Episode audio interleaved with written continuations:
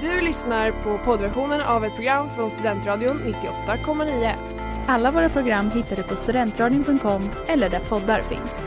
Av upphovsrättsliga skäl är musiken förkortad. Vi har det så lugnt och skönt här i Stockholm. Stockholmare är smartare än lantisar. Stockholmare tror att en lägenhet kan vara värd 43 000 kronor kvadraten. Tycker att det är okej att köa en timme för att komma in på en krog där ölen kostar 60 spänn och tycker att det är rimligt att en latte kostar 40. Är vi intelligentare så är vi jävligt bra på att dölja det alla. Vad gjorde Fabbe för något då? Fabbe? Farsa då? Hajar inte ditt eget modersmål va? Radio Holmensis, ett program av Stockholms nation på Studentradion 98,9. Ja, återigen är det torsdag och här är vi i Radio Holmensis, ett program av Stockholms nation här på Studentradion 98,9 för att vägleda er genom en ny torsdag här i februari. Det sista programmet för februari månad. Jag som leder det här programmet heter Oskar Angestav och tillsammans har jag med mig Viktor Rydgård. och vi kommer att vägleda er genom det här programmet som, ja, det kommer avhandla ett rätt intressant ämne skulle jag säga. För att förra veckan så var det faktiskt två släpp på Stockholms station, eller två gånger man kunde vara ute på klubb. Dels i torsdags med Torsdagsklubben och sen i lördags var det ju släpp efter Ressegaskan. Och något som jag tänkte på när jag var där i lördags, det var ju framförallt det här att det spelas, ja, det spelas ju musik när det är klubb och då har man ju en specifik sång då som heter Bella Ciao. Jag ser då att ja, men det är, alla sjunger med. Och då kommer jag tänka på det här med ja, politisk musik för att det många kanske inte vet om det är att Bella Ciao ytterst är en politisk sång från början som sjöngs av italienska partisaner under andra världskriget som motrörelse mot Mussolini och den dåvarande fascismen. Men så i det här programmet så kommer vi egentligen prata om politisk musik och så här från början, vad är det?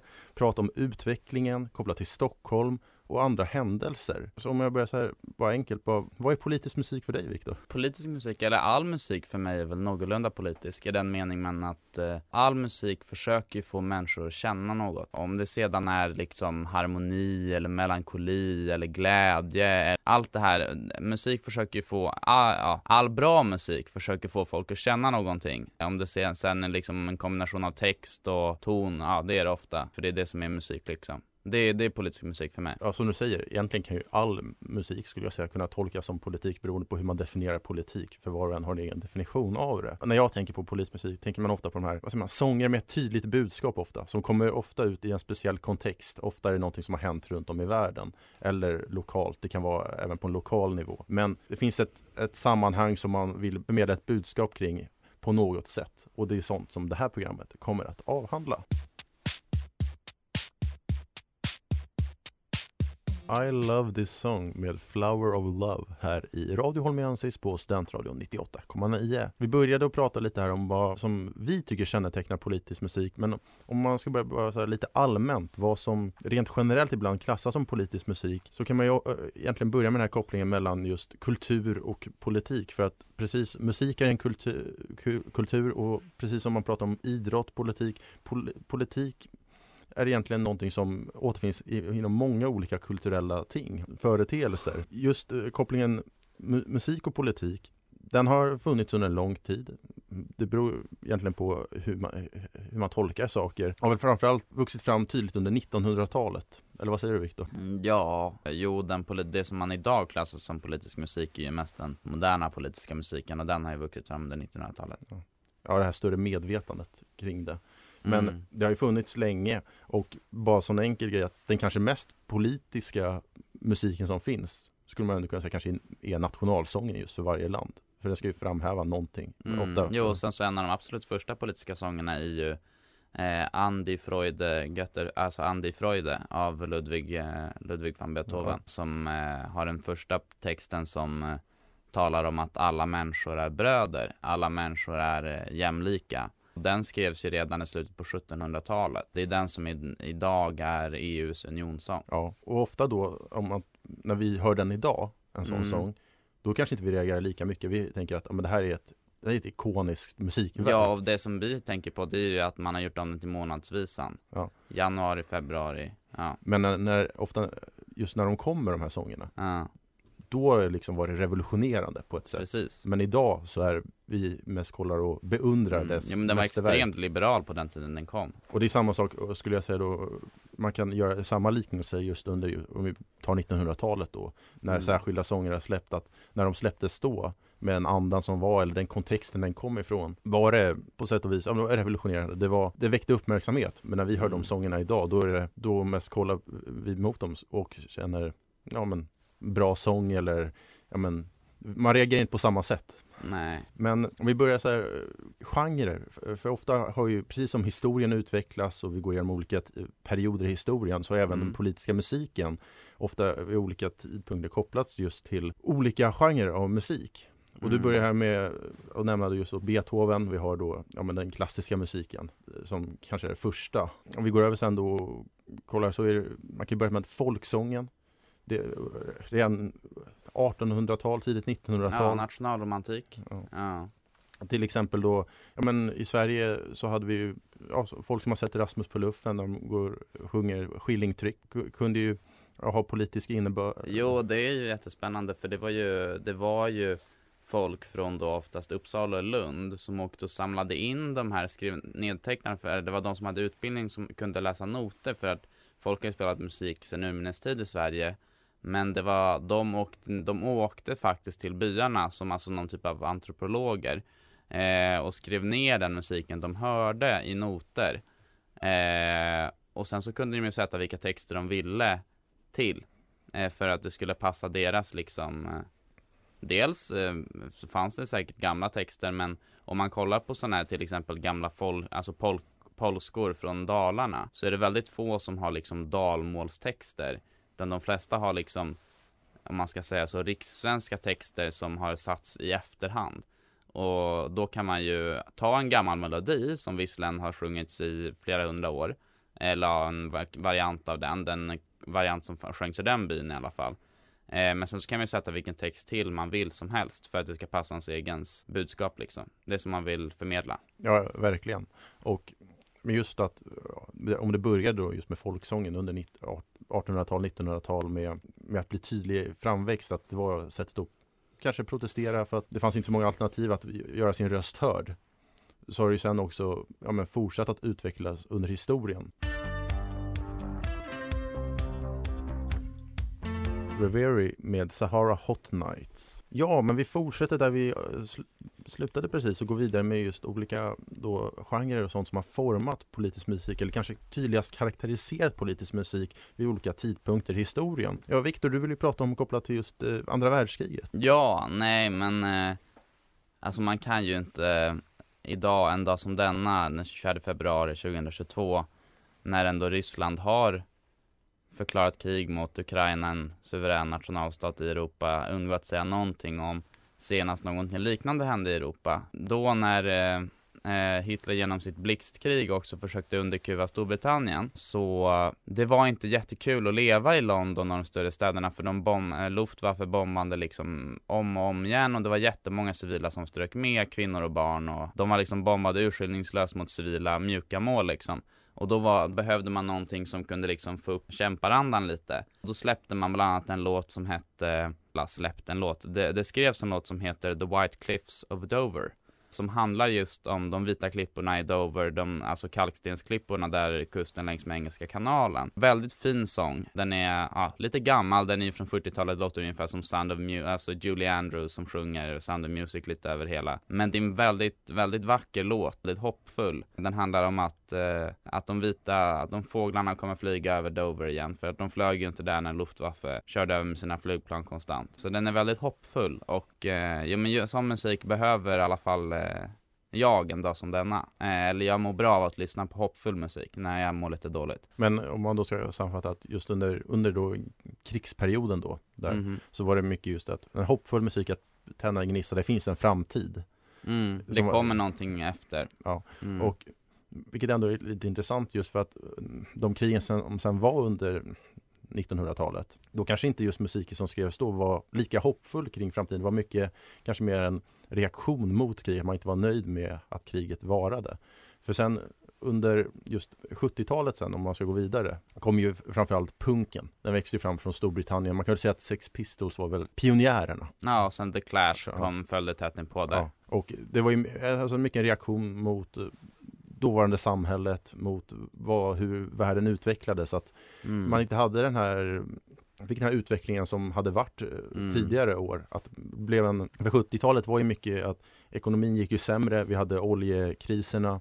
Mm. Det, det påverkade hur folk levde. Ja, och sen så hade vi också Margaret Thatcher som förde Ja, en väldigt 1979. Hår, ja, hård för nyliberal politik som drabbade väldigt många eng alltså arbetande engelsmän väldigt hårt. Och just det här kom ju även till Sverige för att just att då med oljepriset till exempel, det var ju inte en enskild stat som drabbades utan det var ju verkligen, ja men hela västvärlden egentligen drabbades för vi var så beroende av olja. Ja. Och just då i alla fall med, med punken då så i Sverige så kan man se den kanske tydligast via Ebba Grön som växte fram där Mm. och ja, gjorde tydliga ståndpunkter och ja, man kan det är ju, ses ju många som Sveriges största punkband genom historien. Men sen om- för att gå vidare sen så kan man säga att på under 80 och 90-talet som man kan säga att det hänger väl kvar än idag så växte ju verkligen hiphopen fram också även som ett sätt att förmedla ett politiskt budskap eller Mm. som blev en, den musikstilen. Och det började i New York tidigt och bland de eh, första pionjärerna så fanns bland annat Grandmaster Flash and the Furious Five som ja, de sjöng mycket om just hur det var från deras perspektiv att leva. Återigen, det är nya perspektiv som väx, växer fram och lyfter olika frågor. Och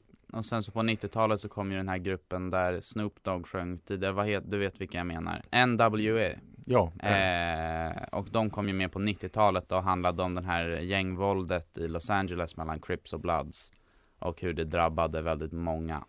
Det var svårt att bo någonstans där i någon av de förorterna och vara oberörd av det fruktansvärda våld som Exakt, och det som just är intressant med den iakttagelsen det är att vet du, om, om vi pratade innan om att man sjöng White Cliffs of Dover under världskriget. mm, Nu, det, det, politisk musik behöver inte vara de här stora händelserna. Det kan vara de här mindre lokala som just då om ett gängkrig i, i Los Angeles. mm. Och det är just det som har ja, format och kommer fortsätta skulle jag säga att forma den politiska musiken Mm. i framtiden. Follow Me Home med Rome is not a town, vilket även är veckans singel här i Radio Holmensis på Studentradion 98,9. Ja men som sagt, vi är ju Radio Holmensis och det är ju, är ju då ett program av Stockholms nation. Och då är det väl inte mer än rätt att börja prata om politisk musik som är om eller från kopplat till Stockholm som stad. Om vi börjar då med kanske så här specifika händelser som har format mycket politisk musik eller som har beskrivits som en reaktion då i politisk musik i Stockholm. Så kan man ju börja med när man gjorde om ja, hela nedre Norrmalm från tidigt 50-tal till början av 70-tal med då rivningen av Klarakvarteren som kulminerade sen med Almstriden. Det beskrevs i flera polit- eh, eh, sånger med olika politiska budskap där bland annat 34 som ni säkert flera har hört om nu går 34 i himlen igen om just att man, man renoverade och gjorde om en stad. En annan händelse som även har karaktäriserat det är ju faktiskt ja, mordet på Olof Palme. Det, Ja. har, det har beskrivits i, i flera sånger och däribland då ja, Thomas Di Leva besjöng den i Vem ska man tro på? Just, ja men vem ska man tro på i det här nu för tiden när, när man inte, när man inte vet vad, vad som har skett just för att det var så oklart efteråt ja, men med allt efterspel som ni säkert känner till i Palmemordet. Men om man sen då ska gå över på olika musiker som har format och ja, vi började och nämnde tidigare Ebba Grön. De är ju, det är ju Rågsved, Stockholm, sjöng mycket om Ja, men eh, skildrade livet i förorten, hur det var att växa upp. De har en, Mm. en sång som heter We're only in it for the drugs som bokstavligt talat säger att ja, det finns inget att göra i den här trista förorten. Det finns ingenting här för oss. Eh, ursäkta, jag överdrev lite grann. Vi kan ju knarka, supa och slåss. Vilket var ett Mm. budskap de förmedlade. Men det finns ju andra artister, för ja, vi har ju nämnt då Ebba Grön och ja, Viktor, Magnus Uggla. Ja, nej, nej men jag, jag som ändå är från innerstan är ju lite förkänd för Magnus Uggla för han skildrar en del av stan som jag är uppvuxen i. Jag bodde när jag var liten på Hjorthagen och Hjorthagen är ju verkligen inte som resten av Östermalm men det räknas till Östermalms stadsdelsförvaltning. Ja, han låter ju odräglig när, alltså nej men han, han, han är ju inte världens mest sympatiska människa. Men han beskriver ändå en verklighet, till exempel en, en personlig favorit som jag har är Varning på stan som handlar liksom om, eh, att den, den skildrar liksom hur att växa upp i innerstan, att det är inte alltid jättemycket det finns där, folk bara åh det finns så mycket att göra. Nej, inte alltid. Alltså så här, som ungdom, visst det kanske finns saker att göra. Men det är så här, de är inte så ungdom, det finns liksom inga fritidsgårdar. Har jag tänkt på, alltså många förorter har liksom så här, ah, vi har en fritidsgård. när jag var liten så här, jag visste inte ens var min fritidsgård låg. Det fanns typ en, men det var absolut ingen som hängde där. För den var lite så här konstig typ. Och det är så här, det är typiska grejer som liksom inte finns. Och vad gör man då? Jo, man hänger liksom i Vasaparken. Man chillar i Tegnérlunden. Det är verkligen så här, och vad gör man där då? Jo men ingenting typ. Alltså man, man dricker sin eh, energidryck eller jag vet inte vad man, äter godis liksom. Och så fort ungdomar inte har någonting att göra så är det ju lätt att de gör dumma grejer, stökiga grejer. Och jag tycker att eh, det här varning på stan, ja men den är väldigt, den, den, är väldigt beskrivande för tiden. Och visst man har inte lika är socioekonomiskt utsatt i innerstan oftast. Eh, det finns dock delar, alltså det finns ju alltid personer som måste bo i stan för att de jobbar precis i närheten och bor i en hyresrätt liksom. Som kanske, ja då, ja jag bor i, jag bor på Söder. Oj vad privilegierad du är, bara, nej det är en hyresrätt, Mina, min pappa är taxichaufför, min mamma är sjuksköterska liksom. Det, då, Vi är inte, eller ja, vi, jag säger vi, men alltså jag har kompisar som äh, har vuxit upp så och de finns ju där De är från innerstan, de är från Stockholms innerstad men de är mindre privilegierade än många som kommer från de välbärgade förorterna. Men just som är intressant då när du beskriver Magnus Uggla just att han beskriver då men uppväxten för en innerstadsmedborgare. Mm, ja, så, från Östermalm. Ja, men då är det ändå rätt träffande att det är ändå rätt likt hur då Ebba Grön till exempel beskrev förort. För det var ju samma, ja, men vi kan inte göra, vi har inget att göra här ute, vi har de här. Det är, att, mm. att det ändå är, det är, det är olika kontexter men ändå i mångt och mycket kanske samma, samma problem. Ja, exakt. Det är ofta det, det är det som ofta besjungs skulle jag säga kopplat till Stockholm, just det, men levnadssituation, vad man har att göra. Annars så har det inte funnits jättemycket sådana här särskilda händelser som kanske har format under de senare åren. Så bara ett exempel på hur man skriver om aktuell musik, alltså den så kallade gangsterrappen är ju väldigt aktuell. I sina låtar så sjunger de ju om folk som har dött i skjutningar och sånt, även om vi kanske inte fattar det för att de sjunger på ett allmängiltigt sätt, för att de kretsarna så nämner man inga namn. Så man säger kanske Paki om det är en kille som har ursprung från Pakistan, ryss om den kommer från ryss och istället för ma bla bla bla. Men de som lyssnar på den och de som hänger i de kretsarna vet ju precis vilka de menar. Punk med Girl Ultra featuring Little Jesus här i Radio Holmiansis på Studentradion 98,9. Ja men nu när vi har pratat om Stockholm då så Nida, vi ska blicka lite mer globalt och det finns ju ett land som ja, i mångt och mycket kopplas till mycket politisk musik. Antingen att just musikerna kommer därifrån eller att de är ofta det mål som eh, den politiska musiken handlar om. Och det är ju såklart USA. Och när man säger USA, vad tänker du då kopplat till politisk musik? Ja, en låt som jag tycker om och som jag kopplar väldigt mycket till, alltså hur hela den här Black Lives Matter-rörelsen och sånt där och eh, skolskjutningar och liknande. Det är ju This is America av Childish Gambino som är en väldigt, eh, det är en väldigt eh, rå låt. Speciellt musikvideon är väldigt rå. Han är ju skådespelare också, han eh, Childish Gambino, så att han är ju, ja, det, musikvideon är gripande om man säger så. Ja. Mm. Men de har ju onekligen, var, det har ju onekligen varit ett land som har deltagit i många olika händelser som mm. har inträffat i världshistorien som, ja, på grund av det kanske varit just att de har format den politiska musiken. Och ja, ett sånt kanske enkelt exempel som mycket av den politiska musiken som skrevs under 1900-talet kopplas till, det är ju Vietnamkriget.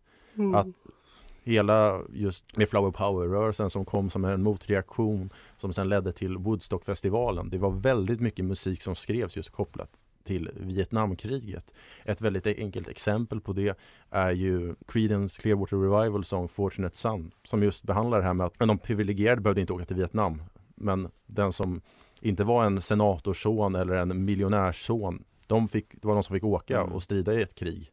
Och det, men det finns ju även mycket annat och man kan egentligen börja att redan från början när den amerikanska nationalsången skrevs så var ju det också mycket, mångt mycket just ett politiskt statement, ett, en politisk ståndpunkt mot en viss riktning som man ville nå. Man sjunger ju i slutet, ja men the land of the free and the home of the brave.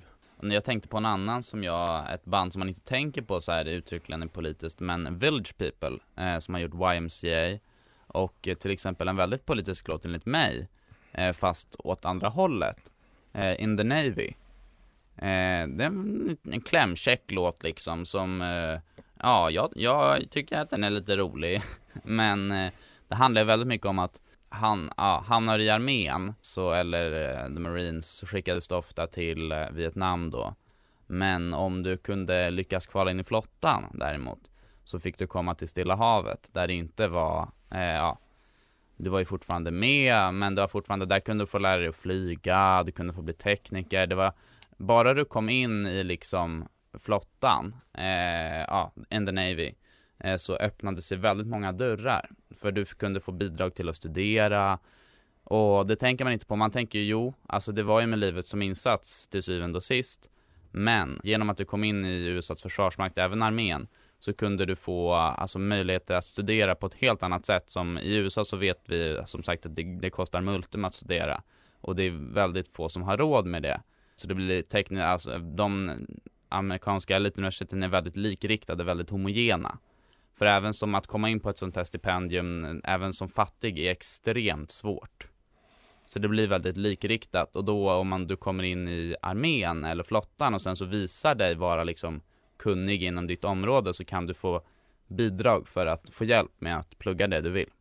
Och det är just det här som du beskriver nu som egentligen visar just varför USA är mål för så mycket politisk musik. För att mm. även om vi har, det är ett väldigt heterogent land med många olika befolkningsgrupper, folk från olika kulturer, mm. så finns det ofta på toppen på olika institutioner eller olika delar av samhället mm. en väldigt, väldigt homogen riktning. Då blir det att ja, men, de som inte kanske äh, känner sig hemma där eller känner att ja, men jag, kan inte, jag är inte en del av det här, då beskriver det på ett sätt för att det representerar kanske inte USA på det sättet. Nej, de, de representerar kanske inte hela USA. Mm. De representerar ju ändå USA om de sitter på ledande positioner, men de, mm. de eh, representerar kanske inte hela USA ja. och inte alla stater.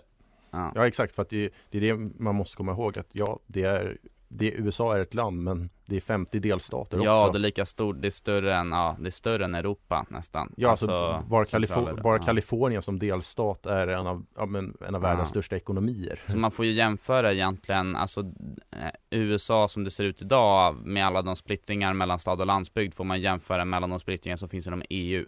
Det är det närmsta man kan komma faktiskt, för att de staterna, de har olika historia, de har eh, olika etniciteter, det talas olika språk, de har olika kultur.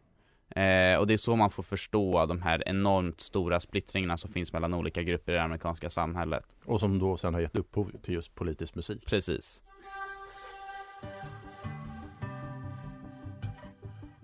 Another Life med Nilufer Janja här i Radio Holmesis på Studentradion 98,9.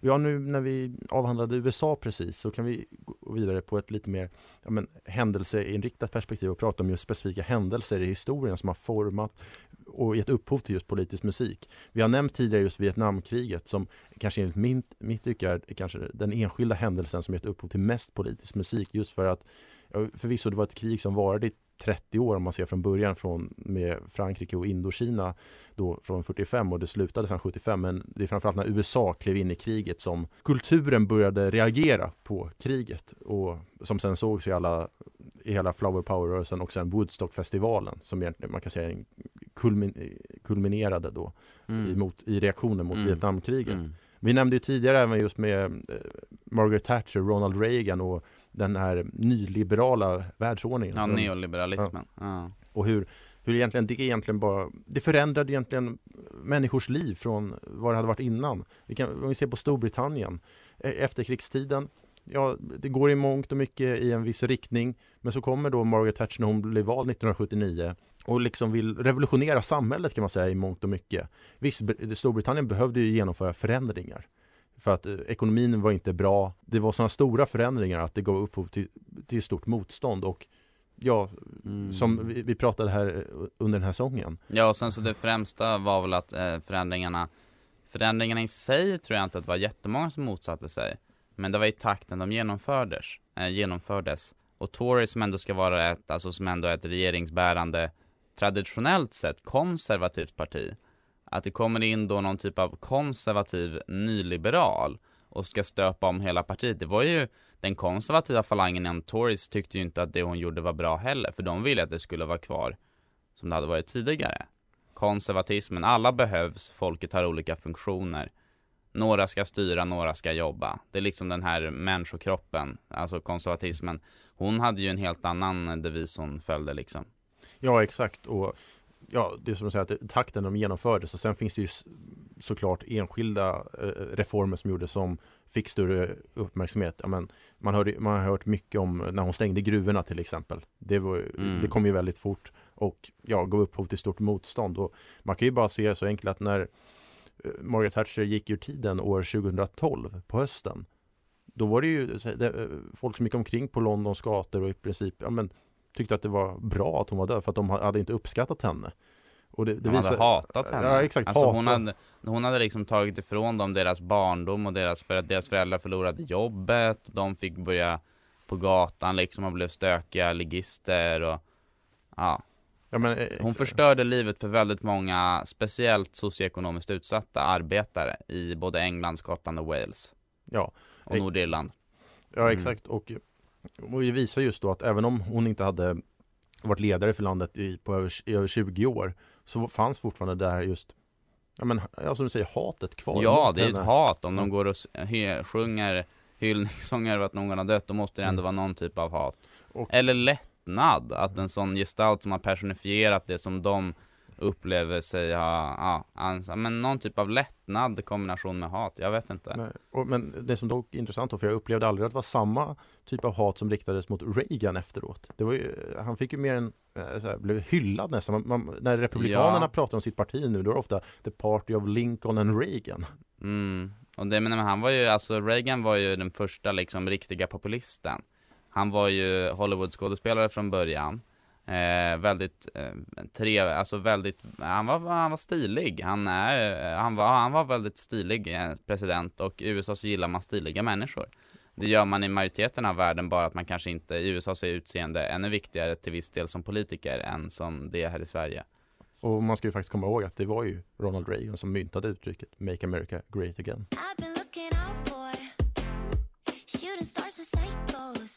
Everyone's a Psycho med Kylen Manjaro och Lilia här i Radio Holmensis på Studentradion 98,9.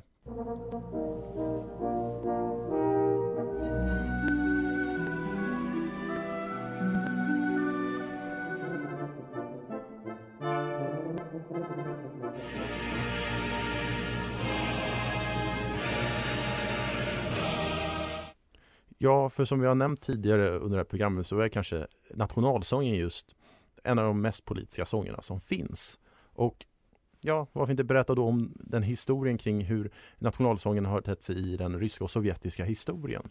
För att den första nationalsången som Sovjetunionen hade, det var Internationalen, den klassiska arbetarrörelsens sång som Eh, kom, ja, kom det- egentligen ja. från ja, men, när bolsjevikerna tog makten Mm. och kom att förbli Mm. fram till 1944. Vi började då, vi pratar om internationalen. Den ersattes sedan 1944 av Hymn till Sovjetunionen. Ja men det, det är den här klassiska, den som, Mm. ja, den som än idag hörs. Men då med annan text. Och den eh, skrevs, musiken kom, komponerades av Alexander Alexandrov och texten skrevs av Sergej Michalkov. Och ja, i mångt och mycket var sången en, en, en hyllning till eh, Sovjetunionen, att unionen skulle eh, bestå. Det var just, eh, man hyllade ledarna i det tidiga Sovjetunionen, Lenin och Stalin. Det var, Mm. ja men det är ju väldigt politiskt helt Ja, hela tanken, det var ju inte, tanken var ju inte att Sovjet skulle gå under liksom eh, 92 eller när det nu gjorde.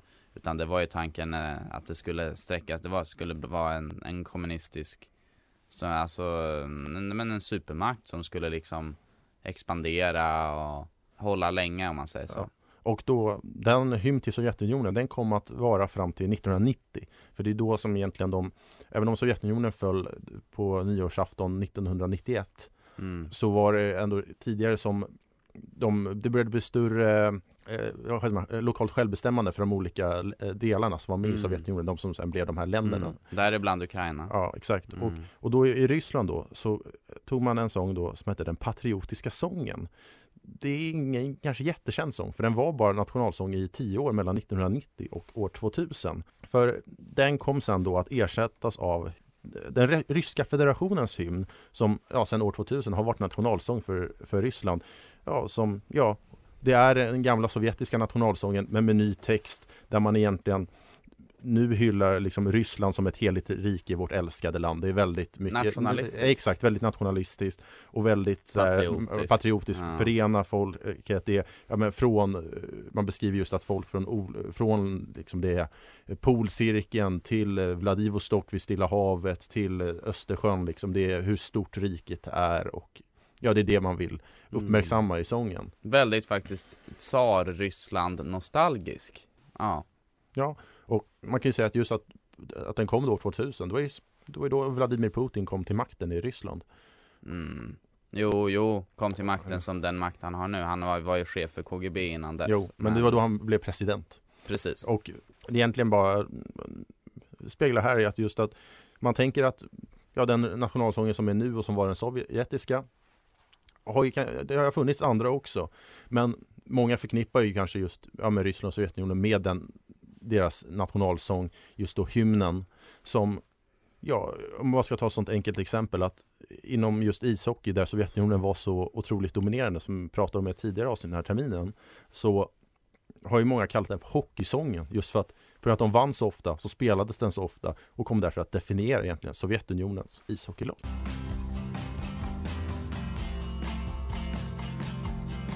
Saga med Hooray for the Riff Raff här i Radio Holmiensis på Studentradion 98,9. Och ja, nu börjar programmet närma sig sitt slut och vi har ju pratat i det här programmet då om politisk musik från en mängd olika perspektiv. Historien, vad politisk musik är för oss, kopplat till Stockholm, kopplat till USA, särskilda händelser och så har vi även gått igenom då just nationalsångens historia från i, så, i Ryssland från då Sovjetunionens eh, grundande. Om det är något annat vi skulle lägga till så, ja vi kan ju nämna, vi pratade ju senast när du var med för två veckor sedan om Mm. de olympiska spelen och Mm. ja vi kan ju nämna lite kort att det blev väldigt lyckat spel för Sverige Ja, det mest lyckade genom alla tider. Vi tog 18 medaljer. Och ja, väldigt kul och det blir verkligen om det är något särskilt, så här, om vi ska välja varsin grej som egentligen vi tyckte var kul efter, i, efter att vi sände då senast Mm. så kan jag nämna att jag tyckte att det var otroligt kul att följa skidskyttestafetten på damer när vi vann. Det Mm. var otroligt. Jo, jo, men jag, jag tyckte det var väldigt eh, fint att se Elvira och Hanna Öberg högst upp på prispallen tillsammans när det hade gått lite dåligt för Hanna som egentligen har varit den som har varit alltså, absolut bäst. Och nu har Elvira kommit och är lite yngre och hade toppat formen bättre än Hanna den här gången. Men de fick ändå stå på högst upp på prispallen med guld med medaljer tillsammans som de, ja, systrar de ändå är. Ja, och det var häftigt och vi som sagt vi tog 18 medaljer, 8 guld. Det var, det var ett succémästerskap. Mm, Sara Hector fick sin medalj. Ja. Ja. Och även om så här man hade vissa favorit kanske på förhand som kanske inte levererade i samma utsträckning. Till exempel vi längdlandslaget levererade sitt sämsta medaljresultat sen, Sundling sen, sen levererade. 2002. Ja, precis. Hela då längdlandslaget, vi hade Jonas Sundling som presterade. Men det, då fanns det andra som klev fram och blev de här oväntade. Och det är det som egentligen är det roliga med de olympiska spelen, att det blir de här överraskningarna, att det inte Mm. finns ett vad säger man, förskrivet manus Mm. kring hur allt kommer sen att så ske. tror jag också att det här att de levde i en total bubbla kan ha, alltså det passar ju vissa. Och Ja. det passar mindre bra för andra. Ja, man, man hörde ju där att folk skulle göra en Nils van der Poel med sitt munskydd, vill säga, för han brände ju upp sitt munskydd när han kom hem, att folk då andra skulle göra det också. Mm. Just för att de var så less på att helt enkelt behöva bära munskydd. Men ja, vi som har sänt idag är Viktor Rydgård. och jag, Oskar Angestav, och vi önskar er alla en fantastiskt härlig torsdag.